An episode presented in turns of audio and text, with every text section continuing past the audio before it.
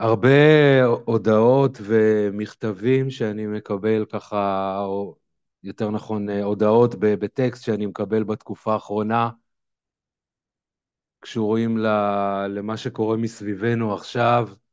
אז אם אתם שומעים ככה את הפרק בשלב מאוחר יותר, אז אני מקליט את הפרקים האחרונים כשברקע מלחמת חרבות ברזל.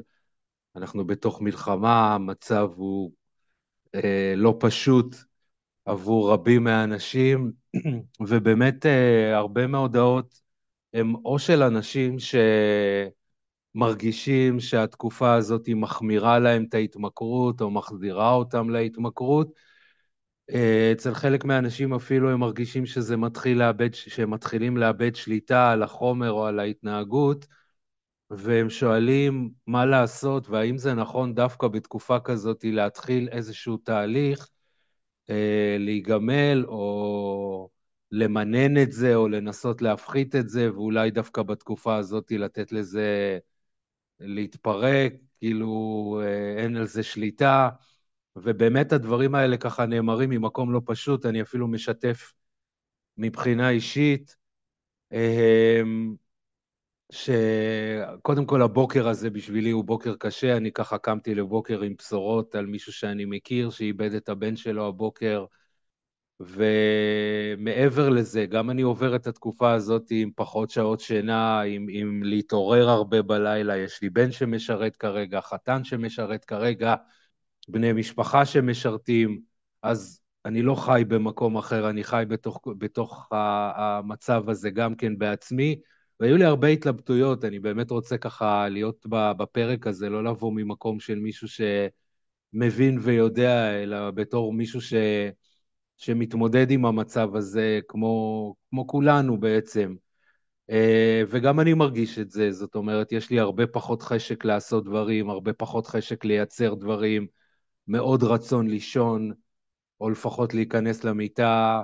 אה, אני נסחף הרבה פעמים ל- ל- לראות טלוויזיה או סדרות או חדשות, ויודע שאני לא תורם לעצמי, ובכל אופן ההיסחפות הזאת קיימת. אמ, אני מרגיש שאני אוכל יותר ממה שאני אמור לאכול בתקופה הזאת, כן מנסה לשמור על עצמי, פחות פעילות גופנית, משתדל לעשות קצת יותר, מצליח לפעמים כן ומצליח לפעמים לא. אז באמת, הקריאה הראשונה שלי זה, זה קודם כל החמלה העצמית הזאת. כולנו עוברים דברים מאוד מאוד לא פשוטים כרגע, ולשפוט את עצמנו על, על מה אנחנו מצליחים, או בעיקר על מה אנחנו לא מצליחים, זה באמת לא פייר ולא הוגן כלפינו, קודם כל כלפי עצמנו. המקום הראשון שאנחנו כדאי שנבוא ממנו זה באמת המקום הזה של החמלה העצמית, ולהבין, ואני אגע בזה בהמשך בפרק, להבין שאנחנו עושים או משתדלים לעשות את הכי טוב, עושים, עושים את הכי טוב שאנחנו יכולים לעשות בהתאם למצב כרגע. כדי, אני כן הייתי רוצה לחשוב, אני רוצה לחשוב, ואני גם מנסה את זה על עצמי, וככל שעובר הזמן אז באמת, ש, שגם בתקופה הזאת אפשר לייצר איזושהי משמעות ושינוי וצמיחה אפילו מתוך המקום הזה, ורוב הפרקים האחרונים שהקלטתי הם פחות או יותר סביב, ה, סביב התכנים האלה, ואני רוצה להדגיש את זה יותר היום. אז בשביל להבין ולמנוע מאיתנו החמרה של המצב והידרדרות של המצב, כדאי מאוד uh, ככה לדבר ולהבין את ה... נקרא לזה את המכניקה של ההתמכרות ואיך היא עובדת. Uh, אני רוצה להתחיל עם איזשהו מחקר, סיפור. Uh, בשנות ה-70, 1970 אם אני לא טועה, מקווה ככה שאני לא uh, מפספס את התאריכים, אבל ארצות הברית יוצאת למלחמת וייטנאם, אחת המלחמות הלא פשוטות והקשות, כאשר בסך הכל אלפי חיילים בתוך התקופה הזאת משרתים בתוך המלחמה, והצבא האמריקאי מתמודד, מעבר כמובן לבעיות הספציפיות של המלחמה בעצמה, מתמודד עם עוד בעיה נוספת, וזה התמכרות ל... ל או שימוש בהרואין, נקרא לזה ככה, אופיום יותר נכון, בקרב החיילים שמשרתים בווייטנאם. כדי לדבר על כמה הבעיה הייתה לא פשוטה. אה, אני רוצה להביא ככה כמה נתונים. אז אחד הנתונים זה שלהערכת הצבא האמריקאי בסביבות 50% מהחיילים שמשרתים באותו זמן בווייטנאם, 50% מהחיילים שמשרתים בווייטנאם משתמשים באופיום במינונים כאלה ואחרים. הדבר הנוסף שהיה, וזה קצת ממחיש עד כמה זה היה בעייתי, הצבא האמריקאי, גם בגלל המרחק הגדול הזה, בעצם החיילים משרתים באיזה שהם סבבים, זאת אומרת שהם אה, עושים תקופה מסוימת בווייטנאם ויוצאים הביתה לארצות הברית לתקופה מסוימת, וחלקם חוזרים עוד פעם לסבב נוסף, לפעמים לשלישי אפילו, והם נתנו בעצם איזושהי הוראה כזאת שכל חייל לפני שהוא עולה למטוס ייבדק, יעבור בדיקת שתן כדי לגלות האם הוא ישתמש בהרואין או לא, ומי שימצא שהבדיקה שלו חיובית, זאת אומרת שהוא כן יש בשתן שלו הרואין, אה, לא ייסע באותו מטוס ויחכה שבוע למטוס הבא, מה שאומר שבעצם החופשה שלהם נפגעת, וחלק מהחיילים לא עמדו בבדיקות האלה. זאת אומרת, זה לא שהם יכלו לשלוט בזה ולהגיד, אוקיי, כמה ימים לפני הטיסה אני מפסיק כדי לצאת בסדר בבדיקה, אלא הם באמת לא עמדו בזה. ממש לקראת שהמלחמה אה, הולכת ומסתיימת, האמריקאים מאוד מאוד חששו ממה יקרה בסיומה של המלחמה, אותם חיילים שמשתמשים כרגע באופיום, הרואין, עוד פעם, מי שלא יודע, אם יש מישהו כזה שלא יודע על מה אני מדבר, אז הרואין זה חומר ממכר, לכל הדעות. נחשב כאחד החומרים היותר ממכרים. הם uh, פחדו שהחיילים האלה יחזרו חזרה לארצות הברית, ימשיכו להשתמש בהרואין.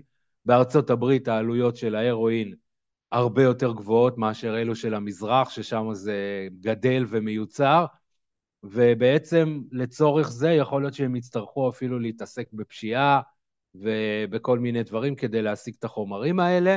כמובן שההשתלבות שלהם בחיים האזרחיים, בשוק העבודה, יכולה להיות מאוד מאוד בעייתית, ולכן הם, אה, בין היתר, מה שהם עשו זה שהם לקחו קבוצת מחקר של מעל 1,400 חיילים, שחלקם או כולם השתמשו בסמים בזמן המלחמה, בזמן השהות שלהם בווייטנאם, חלקם אפילו השתמשו בסמים לפני המלחמה.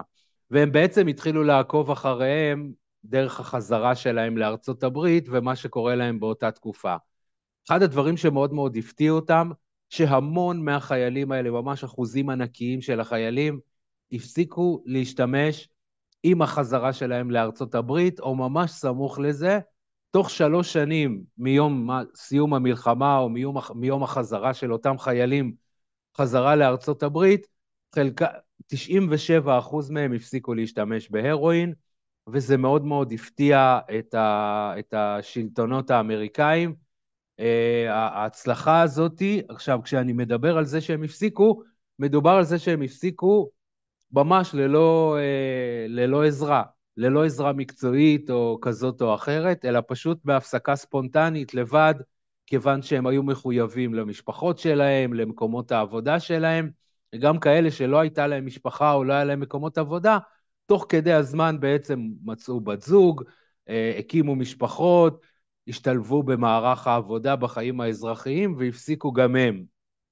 ואחד הדברים שהחוקרים בעצם הגיעו למסקנה, בעקבות המחקר הזה, זה כשאנחנו מספקים לבן אדם איזושהי משמעות, חיים נורמטיביים, אה, מיקום בחיים האזרחיים, אז בעצם אנחנו אה, מפתחים אצלהם או עוזרים להם להפסיק עם, ה, עם, ה, עם ההתמכרות, אפילו ממש באופן ספונטני וללא מאמץ מיוחד.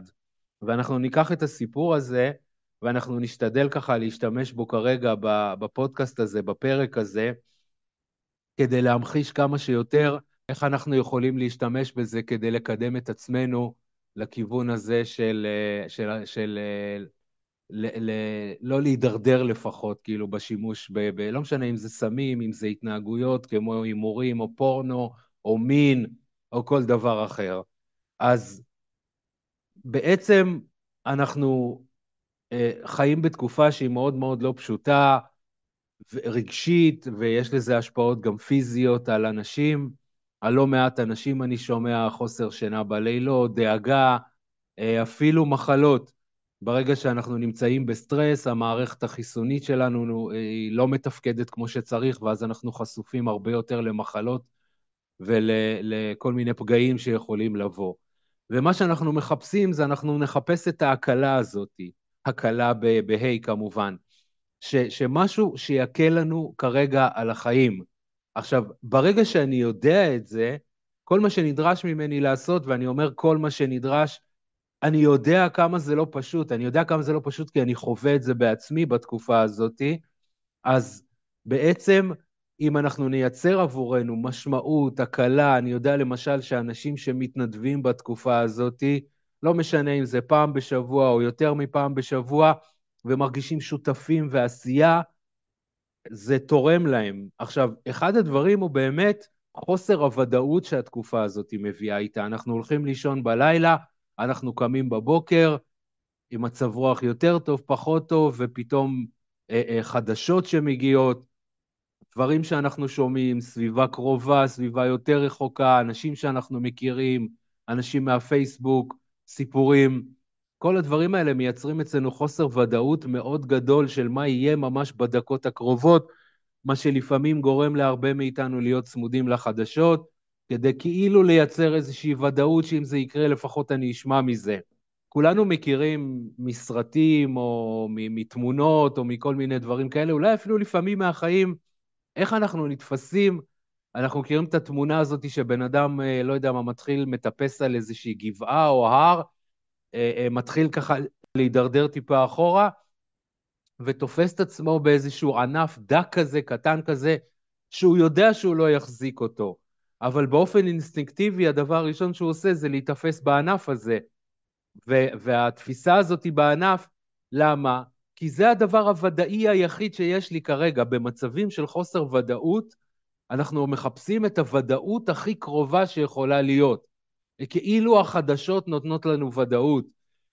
זה אומנם, אנחנו כאילו מודעים לזה שהענף הקטן הזה שאני תופס אותו, אולי אתם מכירים את זה אפילו מכל מיני סרטים או תמונות, בן אדם עומד לטבוע בים ומולו יש איזשהו אה, אה, ענף, אה, לא יודע, גזע עץ קטן כזה, שהוא יודע שהוא לא יחזיק אותו, אבל עדיין הדבר הראשון שהוא עושה באופן אינסטינקטיבי זה להיתפס עליו. כאשר יש חוסר ודאות, המוח שלנו מחפש ודאות בכל מחיר. מה כרגע בחיים שלי יכול לייצר ודאות?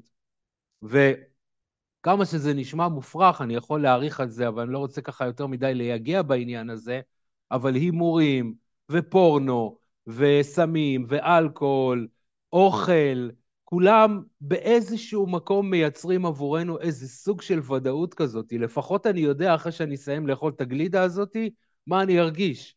לפחות אני יודע שתוך כדי זה שאני אהיה עסוק כרגע בצפייה בסרטון אה, אה, פורנו, אז יש לי, אני יודע, אני יודע מה יהיה שם.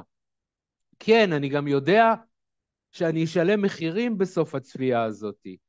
אבל בכל אופן, אני אה, אה, כאילו נתפס בדבר הזה, אז קודם כל, המקום הראשון של להבין למה אני עושה את מה שאני עושה, וזה לא, אני שומע הרבה פעמים אנשים אומרים, אני עושה את הפעולה המטומטמת הזאת, אני שוב עושה את הטעות הזאת, אני עוד פעם חוזר חזרה, ל, ל, תסלחו לי על המילה, לחרא הזה שאני יודע אחר כך איך אני ארגיש. נכון, נכון, אבל ברגע שאנחנו מדברים על עצמנו בצורה כזאת, או על אחרים אפילו, אה, הם, זאת אומרת, משתפים אחרים במה אנחנו עושים, אנחנו בעצם שופטים את עצמנו. אנחנו מוסיפים על עצמנו עכשיו, לא מספיק שהמצב הוא קשה, גם אני צריך עכשיו לעמוד עם שוט ולהלקות את עצמי מאחורה ול, ולתת לעצמי עוד יותר את המכה הזאת. לא, אנחנו לא צריכים את זה, אנחנו צריכים חמלה. זאת אומרת, אם אחרי מצאתי את עצמי אחרי לילה של שתייה, או אחרי כמה שעות של צפייה בפורנו, אפילו אני לא אלך רחוק. שרפתי את הלילה האחרון בצפייה בסרטוני נטפליקס, או בלאכול יותר מדי שוקולד. אוקיי, זה היה, זאת הייתה הוודאות אתמול, נכון לאתמול, בתוך הסיטואציה שהייתי, בתוך כל ה... עשיתי את הכי טוב שיכולתי נכון לאותו רגע.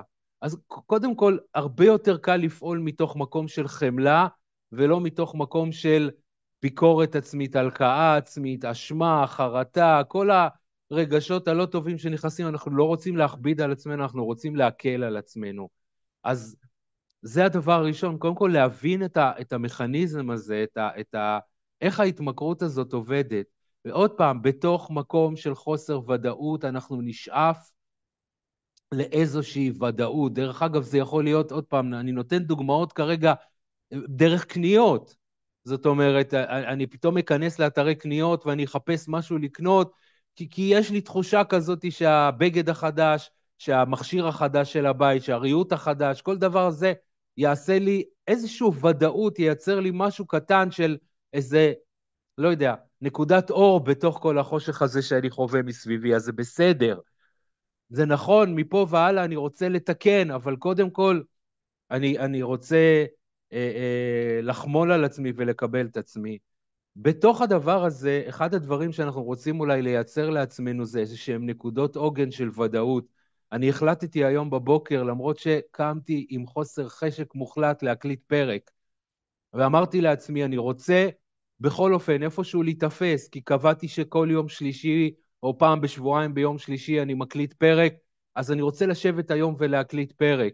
איזה שהן פעולות מסוימות שאני עושה אותן בבוקר שאני קם, בין אם זה לכתוב תודות על היום הזה, כמה שזה קשה, בין אם זה אה, אה, אולי, לא יודע, חלק מהאנשים מתפללים, חלק מהאנשים אומרים תהילים, לחלק מהאנשים יש איזשהו טקס בוקר אחר שבו הם, אה, אה, הם, לא יודע, זה יכול להיות האזנה למוזיקה, זה יכול להיות יציאה להליכה, ועוד פעם, אני יודע, בתקופה הזאת זה קשה. אנחנו גם מחפשים תגמולים מיידיים, אנחנו נרצה תגמולים מיידיים, והרבה פעמים הפעולות האלה שדיברתי עליהן קודם לא מביאות תגמול מיידי.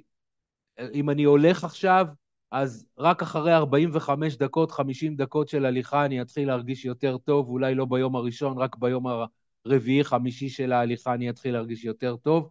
ושוב, המוח שלנו, מערכת הדופמין שלנו בנויים ורוצים תגמולים מיידיים כי הם מערכות הישרדותיות, ובהישרדות אני רוצה את העכשיו הזה. אבל עוד פעם, אנחנו אנשים תבוניים ואנחנו כן רוצים ללמד את עצמנו. אז לאמץ איזה שהם הרגלים שהם יותר בריאים בתקופה הזאת, קטנים, לא גדולים. וזה בעצם, אני רוצה לעבור לדבר השני. הדבר השני הוא כל מה שקשור לאפשרות הזאת, אני קורא לזה אפילו לחגוג או לציין ניצחונות קטנים.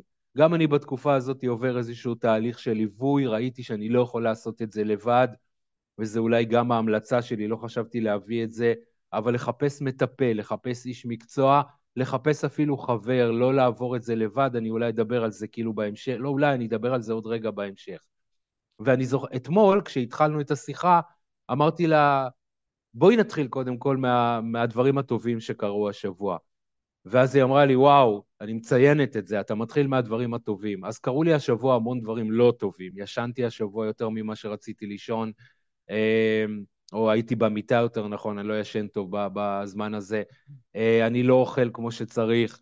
כל מיני דברים לא טובים שקרו השבוע, בזבזתי המון שעות בשטויות. אמ, אבל מצד שני, אני רוצה להתחיל דווקא מהדברים שכן הצלחתי, כי מה שלא הצלחתי זה כאילו ה-obvious, זה, זה המובן מאליו, בטח שאני לא אצליח. התקופה הזאת לא פשוטה. אני רוצה להתחיל דווקא מהמקומות, או לציין לעצמי, זה יכול להיות דרך רשימה שאתם עושים בבוקר, זה יכול להיות רשימה שאתם עושים בערב, ובה אתם מציינים נקודות קטנות במהלך היום. הצלחתי להקליט היום פרק בפודקאסט, וואו, נהדר. הצלחתי היום לשבת עשר דקות וללמוד, לקרוא ספר, להעשיר את עצמי. הכנתי לעצמי היום סלט לארוחת צהריים, במקום, אה, אה, לא יודע מה, ללכת לקנות פיתה עם שווארמה או משהו אחר. וואו, אני רוצה לציין את זה. קניתי אוכל פחות בריא, גם זה בסדר, אבל כן להתמקד בנקודות הטובות, בניצחונות הטובים, ולייצר לעצמנו כמה שיותר כי בעצם הדבר הכי ודאי עכשיו בתקופה הזאת זה החוסר ודאות. אז בתוך, קודם כל לקבל אותה. אולי אני קצת עושה את הדברים בפחות סדר היום, אז תסלחו לי, אה, אה, כי גם אני נסער וככה מדבר מתוך המקום הזה, אבל, אבל אה, אה, אני רוצה לייצר לעצמי, קודם כל, סליחה, לקבל את החוסר ודאות הזאת, שכן, אנחנו חיים בתקופה של חוסר ודאות, וגם אם אני עכשיו אצפה בפורנו, או אפילו בנטפליקס כמה שעות, כשיסתיים הסדרה, אני חוזר חזרה לתוך החוסר ודאות. אז לקבל את זה, לקבל את החוסר ודאות, לקבל את עצמי בתוך החוסר ודאות הזאת, לקבל את מה שאני עושה ואת מה שאני לא עושה, וכמובן לשים את הזרקור, את הדגש על הדברים הטובים, על הניצחונות הקטנים. אנחנו מדברים על ניצחון במלחמה כל הזמן, אבל בסוף ניצחון גדול מורכב מהמון המון ניצחונות קטנים, ו- וגם אם הם כרגע בודדים במהלך היום, אני רוצה לציין אותם. יצאתי להליכה, רק עשר דקות. הייתי בשמש כמה דקות היום, יצאתי החוצה לשמש קצת לקבל ויטמין D, לקבל קצת אור טבעי, מעולה, יופי, ציינו את זה, תרשמו לעצמכם את זה, תחגגו את זה אפילו באיזשהו מקום, כמה שזה נשמע קטן. יש אחת מהנחות, יסוד, מהנחות היסוד ב-NLP אומרת שכל דבר שאנחנו מתמקדים בו הולך וגדל, where, energy, where focus goes, energy flows, האנרגיה זורמת למקום שתשומת הלב מתמקדת. תתמקדו בוודאות שיש לכם ביום-יום, תתמקדו בניצחונות שיש לכם ביום, ילך ויגדל, אמן. פחות תצטרכו את ההתמכרות. הדבר הנוסף הוא באמת כל מה שקשור לתמיכה החברתית ובלא להיות לבד. דיברתי אתמול בטיפול שלי על תקופה שהייתה לי בשנה האחרונה, שבה במקום לבקש עזרה, האגו שלי לא כל כך נתן לי, והייתי לבד עם כל הבעיות ועם כל הצרות, ואיך אני, אבי רוט, המטפל עכשיו, קשה לי לקבל את, ה, את העזרה הזאת. אני רוצה לתת עוד מחקר קטן, כאילו שדיברתי עליו בעבר בפרקים קודמים, אבל הוא ממש מתאים להביא אותו היום, וזה המחקר של, ה, של החולדות. אחד המחקרים המפורסמים שהיו, זה מחקר ש, שהביא סיטואציה ש, שבעצם חולדה, ששמו אותה בכלוב, אה, ונתנו לה שתי אפשרויות, אוכל, מים או אה, קוקאין, נדמה לי, או איזשהו סם, אבל אני חושב שזה היה קוקאין. הלכה, אכלה קצת מהאוכל, טעמה את הקוקאין, ובעצם המשיכה לבוא לקוקאין תוך כדי שהיא מזניחה את הבריאות שלה ואת המצב הבריאותי שלה. והחוקרים הגיעו למסקנה די פשוטה, שאומרת שאם תיתן לבן אדם, לחולדה במקרה הזה, אבל גם לבן אדם, שתי אפשרויות, תיתן לו אוכל ושתייה, חיים נורמטיביים וסמים, הוא יבחר בסמים, הם הרבה יותר מושכים.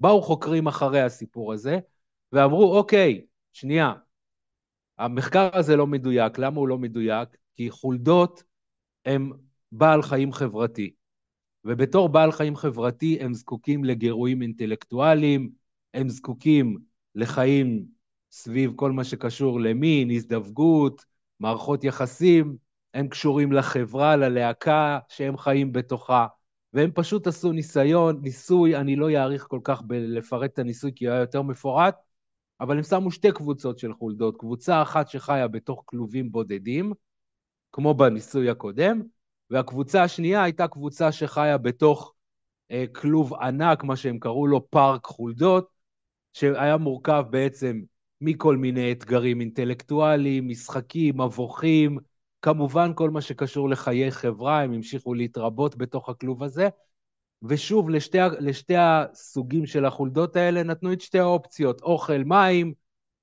וקוקאין. חולדות הכלובים הבודדות השתמשו בקוקאין פי 16 יותר מאשר החולדות שחיו בחיים ה... בתוך הפארקים. ואז הם הגיעו למסקנה שברגע שאתה מאפשר לחולדה, כמובן לבן אדם, חיים חברתיים, חיים אה, אה, שיש בהם גירוי אינטלקטואלי, איזושהי משמעות בחיים. אני ממליץ בתקופה הזאת ללכת לקרוא את אה, ויקטור פרנקל, האדם מחפש משמעות. פיתח שיטה שלמה סביב הנושא הזה. אז זה ככה לגבי הנקודה הזאת. אז אם יש לכם חברה תומכת, סביבה תומכת, משפחה תומכת, אפילו איש מקצוע, לכו תחפשו בתקופה הזאת, אז תעזרו, לא צריך להיות עם הדבר הזה לבד. עצם הנקודה הזאת שאנחנו חושבים שהרבה אנשים נמצאים באותו דבר, כבר מקלה עלינו להבין שאנחנו לא לבד. וככל שאנחנו מסוגלים יותר ויותר באמת להיפתח לחברה, לעשות דברים משמעותיים, דיברתי קודם על התנדבות. עכשיו, חשוב מאוד, באמת, זה נותן משמעות, זה נותן המון משמעות, ומשמעות מייצרת גם ודאות וגם מייצרת אצלנו בעצם הרבה פחות הזדקקות לחומרים חיצוניים ימלאו את החסר הזה. דבר אחרון שאני רוצה לגעת בו, וזה להאמין ולסמוך על המשאבים הפנימיים שלכם. אני רוצה לצורך העניין להביא עוד מחקר. בשנות ה-50, 1950, נעשה איזשהו ניסוי בהרווארד, אוניברסיטת הרווארד, אה, שהיום היא מוזכרת ככה בהקשרים פחות חיוביים, אבל, אבל הניסוי היה שבעצם לקחו עכברים והכניסו אותם לתוך כלי מלא במים, כאשר העכברים התחילו להילחם, לנסות לצאת החוצה, לאט לאט הם הפכו להיות יותר ויותר ויותר תשושים, ובאיזשהו שלב הם פשוט ויתרו וטבעו בתוך המים, מהתשישות שלהם, מחוסר היכולת כל הזמן אה, אה, לעבוד עם הגפיים ולנסות להישאר על פני, על פני המים. בממוצע, אותם עכברים הצליחו לשרוד משהו כמו 15 דקות. הניסוי לא היה כל כך אכזרי, כי ממש בשנייה לפני שהם טבעו, החוקרים הכניסו את היד לתוך הכלי, הוציאו אותם החוצה ונתנו להם אה, להחזיר לעצמם קצת את הנשימה ואת ה, את החיים בחזרה, ואז הם חזרו על הניסוי הזה פעם שנייה. תזכרו, בניסוי הראשון, 15 דקות בממוצע, זה מה שהצליח להחזיק עכבר. שוב פעם העכברים הכלי התמלא במים, הם התחילו להילחם והתחילו להילחם והתחילו להילחם, והחוקרים היו מוכנים לרגע הזה שבו הם כבר מתחילים לשקוע כדי להוציא אותם שוב פעם החוצה. הפעם זה לקח 60 שעות בממוצע. 60 שעות. 60 שעות זה משהו, יומיים וחצי אם אני לא טועה. איך מ-15 דקות זה הפך להיות 60 שעות? הפעם היה לעכברים האלה כבר בזיכרון, גם אם כוחותיהם ייגמרו, בסוף הם ינצלו מזה. זאת אומרת, כיוון שהם עברו כבר חוויה אחת כזאת, היה להם יותר אמונה, יותר ביטחון שהם יכולים להינצל, ולכן הם נתנו עוד אקסטרה של כוח, עוד מאמץ. תשימו לב כמה משמעות יש לחשיבה שלנו, לאמונה שלנו. עכשיו, יש חלק שלוקחים את האמונה בתקופה הזאת ממקומות רוחניים ודתיים, יש חלק שלוקחים את האמונה הזאת ממקומות אחרים. כל אחד והמקומות שבהם הוא יכול להיתפס. אה, אה, דרך אגב, ויקטור פרנקל שמדבר על עצמו, באמת מה שהחזיק אותו היה איזה vision שהוא עשה לעצמו. מי שלא מכיר את הסיפור, אז ויקטור פרנקל היה אחד מהתלמידים של פרויד, שהיה בזמן השואה בתוך מחנה, אה, ואחד הדברים שכל הזמן היה לנגד עיניו, זה שיום אחד, כשאני אהיה שוב פעם אה, אה, מרצה באוסטריה, הוא כבר היה פסיכולוג מפורסם עוד לפני שהמלחמה התחילה, מה אני אגיד לתלמידים שלי שהפכתי להיות, שגנבתי אוכל מאנשים, ש, שאולי הרגתי בשביל לשרוד בתוך הזה, וכל הזמן זה החזיק אותו במקום של להישאר כמה שיותר אנושי, שזה לא מובן מאליו, בטח בתקופה כזאת. אז אמ, תיקחו מקרים שבעבר שהצלחתם להתגבר על קשיים ותיזכרו בהם. תיקחו מקרים שבהם אה, חשבתם אולי שזה כבר, אה, לא יודע מה, לא תצאו מצוא מתוך המצוקה הזאת והצרה הזאת ותיתפסו בה, ועוד פעם, התקופה הזאת לא דומה לכלום. לא דומה לכלום. אז אם אתם לא מצליחים, חמלה, חמלה, חמלה. אבל ככל שתאמינו בכם, ביכולות שלכם, בסביבה שלכם, ב- ב- בעם הנהדר שיש לנו, לקרוא סיפורי גבורה, לקרוא סיפורי uh, השראה של אנשים שעברו דברים קשים, ושוב אני ממליץ על ויקטור פרנקל ועל האדם מחפש משמעות, ועל עוד ספרים שלו, ואם יש לכם עוד דברים כאלה, אתם גם מוזמנים לשלוח אליי, אני אשמח. כל דבר שיכול לתת תקווה בתקופה הזאת. תזכרו, 15 דקות פלוס תקווה הפכו ל-60 שעות. אז אני רוצה מהמקום הזה באמת ככה לסיים את הפרק הזה, אה, גם עם תפילה לימים של בשורות טובות, גם עם תפילה שכל חיילינו יחזרו לשלום, שהחטופים יחזרו לשלום, ושבעיקר בעיקר נדע ימים שקטים יותר, בטוחים יותר וטובים יותר. אני רוצה להגיד לכם תודה רבה על ההאזנה, הגעתם עד לפה, זה לא מובן מאליו. אנחנו כבר בפרק 44, לא ציינתי את זה בתחילת ההקלטה. Uh, התפקיד שלי כרגע, מה שאני מוצא את עצמי בתוך כל המערכה הזאת, זה לתת יותר תקווה, יותר ביטחון, לאפשר לאנשים לשפר את איכות החיים של, שלהם. תודה שאתם שותפים למסע שלי. אני מזמין אתכם לכתוב לי אם הפרק הזה תרם לכם משהו. וואו, זה כל כך חשוב לי לקבל מכם, בטח בימים האלה, למספר הוואטסאפ שלי שמופיע בתיאור של הפרק. ובכלל מה הפרקים האלה נותנים לכם ותורמים לכם, הצעות לייעול שאתם רוצים, הערות, ביקורות, כל דבר יתקבל בברכה. כמובן שאני זמין פה לייעוץ uh, שלכם, אתם מוזמנים לפנות אליי, להתרשם משאר התכנים, גם בפייסבוק, גם באינסטגרם, וכמובן בעיקר בפודקאסט. אז בתפילה לימים שקטים, תודה רבה לכולכם על ההאזנה, ואנחנו נתראה בעזרת השם בפרק הבא.